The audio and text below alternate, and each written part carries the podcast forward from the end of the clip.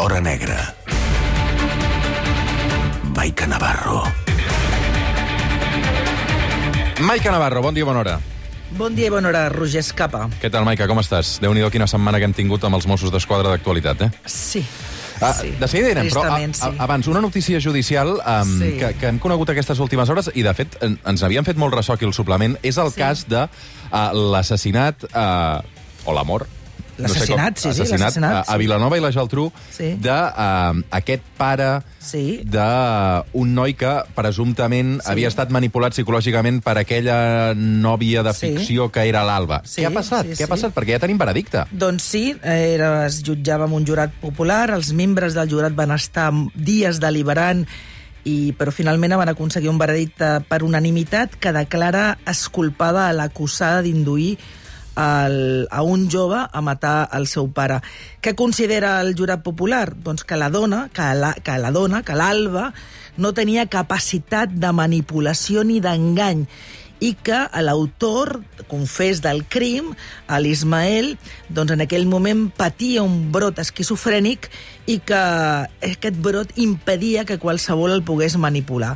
Per tant, doncs, judicial, penalment, no hi ha responsabilitat per aquest crim i la Fiscalia i la, i la, i la defensa de l'Ismael ja han avançat que presentarà un recurs contra aquest veredicte unànim que, que ens va deixar una mica... Bueno, a mi en el meu cas em va deixar una mica gelada, perquè a més a més... Tu vas assistir al judici? Sí, sí, sí, sí, sí, sí, sí a mi, perquè, perquè és un cas que no té precedent, recordem, els oients ho vam explicar molt aquí, com de sobte l'Alba, amb, amb el que havia estat la seva parella, s'havien havien inventat un personatge que, segons el tribunal, és la, el seu alter ego, que és la, la Júlia, i aquesta Júlia s'havia bueno, convertit en la, en, en la parella Virtual. eh, virtual d'aquest jove que es, es, va fer es va creure durant uns mesos que pertanyia a un grup de suport dels Mossos d'Esquadra que l'obligava a fer tot un seguit de, de feines. Mossos d'Esquadra no tenia cap mena de dubte de la responsabilitat penal de l'Alba i, de fet, creuen que el mòbil per demanar-li que assassinés el seu pare era, era un mòbil econòmic. Però bé, els membres del jurat, que van ser presents a la sala, van entendre que a sala cap de les parts van poder acreditar doncs, aquesta manipulació que defensava la Fiscalia i l'acusació particular i que és l'eix de la investigació de Mossos. Ja veurem com, quina, com evoluciona com evoluciona el tema. De moment, eh, veredicte inesperat. Veurem com acaba Sí, tot plegat. sí, sí. Uh, 10 i 7 minuts, tot això després d'aquesta uh, aquesta setmana moguda, evidentment, als Mossos d'Esquadra, que començava dilluns amb la destitució uh, d'interior del comissari en cap del cos, eh, Josep Maria Estela. Recordem que Estela va encapçalar el cos després que Interior apartés Josep Lluís Trapero, mm. el comandament dels Mossos. Eh, ha durat 9 mesos al càrrec, és el setè cap que tenen els Mossos en només 5 anys, mm. eh, i eh, la gran persona que finalment s'ha erigit eh, victoriosa en aquesta pugna pel interna, mm. pel, pel poder en els comandaments dels eh, Mossos, és, eh, evidentment, Eduard Sallent, que, si m'ho deixes dir així, Maica, és un supervivent. Uh, no? Aleshores, uh, la meva pregunta, uh, perquè recordem que uh, és un càrrec de confiança que ve de governs i de colors polítics anteriors. La meva pregunta, aleshores, és per què Eduard Sallent uh, és intocable i guanya aquesta partida? Penso que això és una resposta que hauria de contestar el, el conseller d'Interior, que, qui, és, qui es decanta cap al comissari Sallent en aquesta pugna, perquè Sallent jo crec que se l'ha d'interpretar amb un, amb un duet eh, molt sòlid, que és Eduard Sallent i el director de la policia, eh, Pere Pere, Ferrer. Ferrer. Uh, Sallent, ell explica que ell és un professional i que està a les ordres de, de que li mani i puguem anar uh, Junts per Catalunya o ara mateix Esquerra Republicana. Els seus, els seus, en- bueno, els seus, anava a dir, enemics dins del cos o, o, o els o els comissaris que li han plantat cara dins de, del cos o, o s'han manifestat en contra d'aquest canvi, aquest nou lideratge, doncs entenen que recorden recorden episodis anteriors d'Eduard Sallent al capdavant del cos i, bueno, que fan referència a presumptes ingerències polítiques. Hi ha un episodi que, en, que és convenient recordar, i és el, el cessament de, de Toni Rodríguez. Tota aquesta crisi s'entén molt millor, ja no tant... Fins i tot s'entén millor amb el cessament de Toni Rodríguez que no pas amb el cessament de, del Major. Recordem que Toni Rodríguez és l'excap d'investigació dels sí, Mossos de la comissaria d'Esquadra d'investigació criminal, intendent de, del cos. i que havia denunciat ingerències polítiques que ell va patir en aquest cas quan encapçalava algunes de les Clar. investigacions més destacades del cos, eh, algunes de les quals eh, vinculades amb eh, persones com el- l'exconseller d'Interior Miquel Buch o Laura Borràs, no? Sí, mm, jo i dic que, que aquest episodi és important per entendre tot això, perquè quan el, quan, quan el conseller Helena i Esquerra Republicana accepta fer-se càrrec de la Conselleria d'Interior, era la primera vegada que Esquerra Republicana assumia aquest departament, un departament com, especialment complexa, però que Helena ha tingut la sort de transitar per aquesta conselleria, per aquest departament, amb una pau social als carrers que no li ha provocat cap mena de crisi. Si, en, si mirem la, cap enrere, recordem el, el mandat de Miquel Samper, Miquel Buch, amb els carrers directament Urquinaona. incendiats i amb una crisi brutal, brutal, d'unes pressions increïbles per part de govern que tant Buch com a Samper Oh, oh, van, sí. van, van, van amb un president saber... de la Generalitat que segurament no els volia de consellers i interiors, de com era Quim Torra. Efectivament, i, i un Quim Torra que fulmina un Miquel Buch quan es blinda a la Conselleria Interior protegint, a, els seus, protegint els Mossos i la seva, sobretot la seva actuació als carrers amb els, amb els, amb els incidents protagonitzats en aquell moment pels sectors independentistes, per les, per les protestes post-sentència.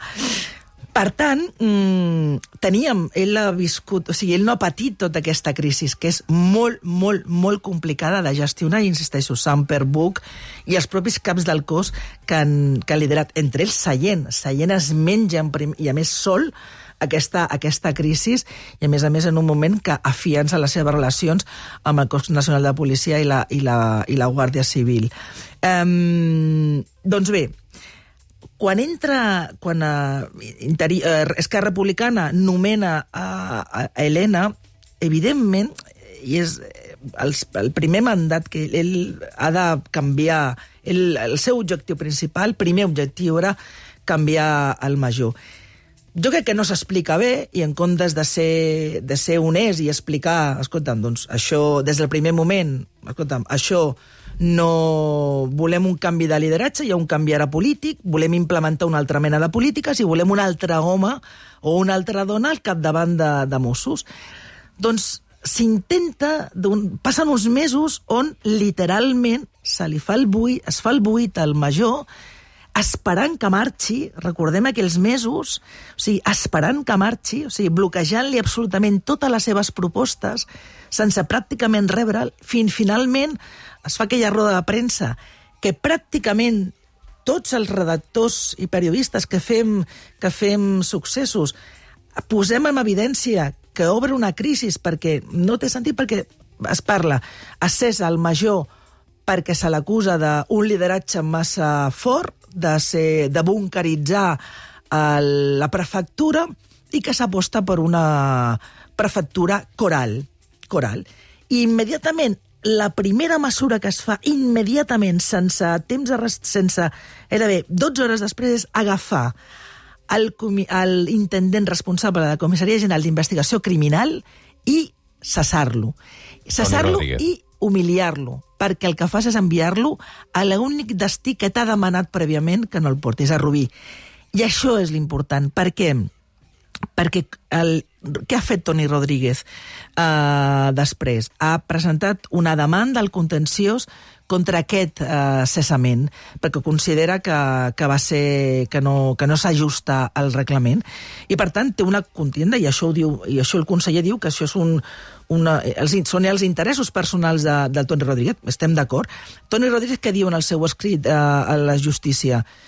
Que el comissari, que els comissaris Sallent en funcions de cap del cos, li va demanar uh, li va demanar um, uns atestats uh, vinculats a investigacions que, que estaven relacionades amb, amb, politi amb, amb, amb polítics que en aquest moment estaven al, al, al, al, bueno, al, al, al govern.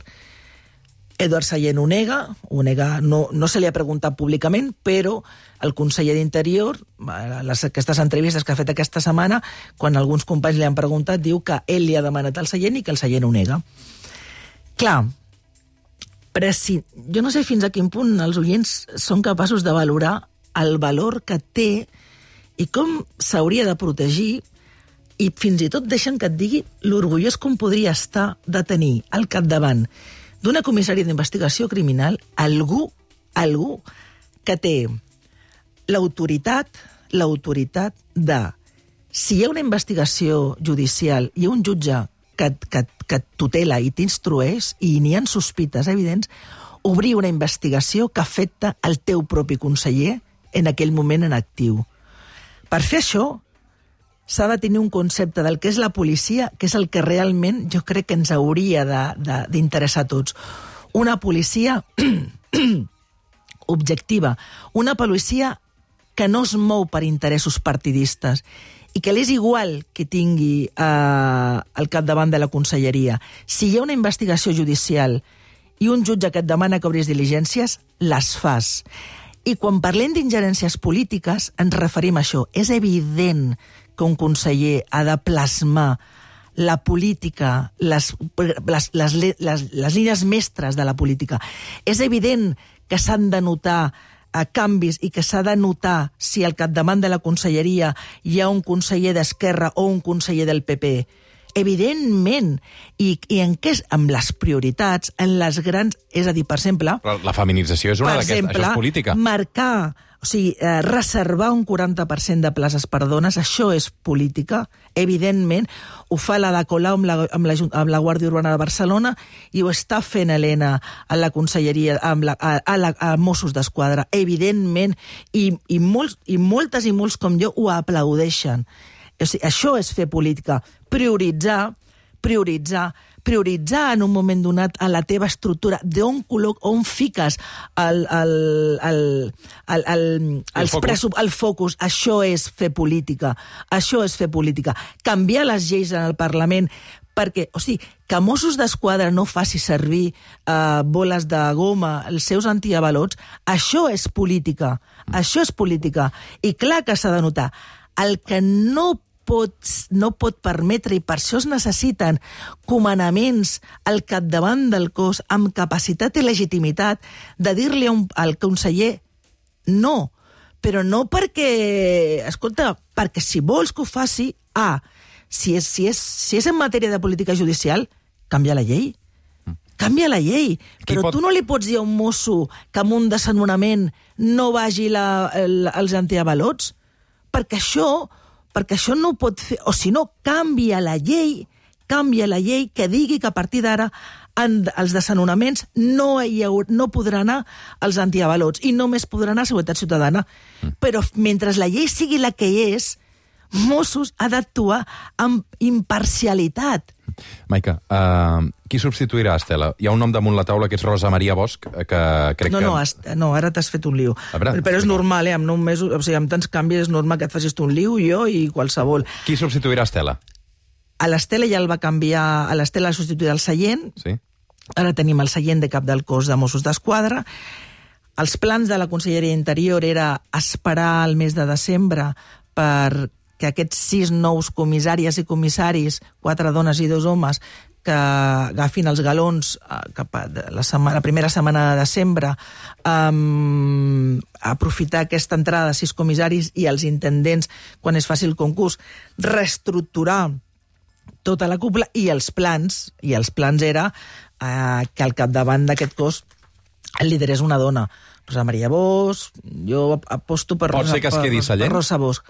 El que passa és que, que aquests, aquesta crisi, aquesta crisi, i ho dic amb totes les paraules, crisi, tancada en fals, eh, el conseller jo crec que s'ha sentit obligat a, a, a, a donar la se, bueno, a comprometre's amb, el, amb la permanència d'en Seient i, i donar una certa estabilitat.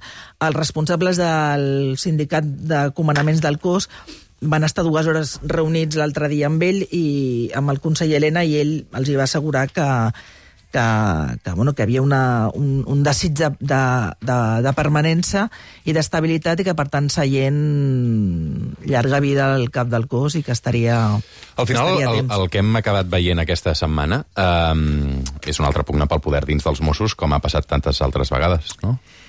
Mm, pugna el poder dins els Mossos. Eh, El que jo crec que, que, que, hem, que hem viscut en aquests últims dies és una mica el que interpreto de les paraules del que volia dir eh, el Miquel Samper a les seves intervencions, de, dures intervencions aquesta setmana.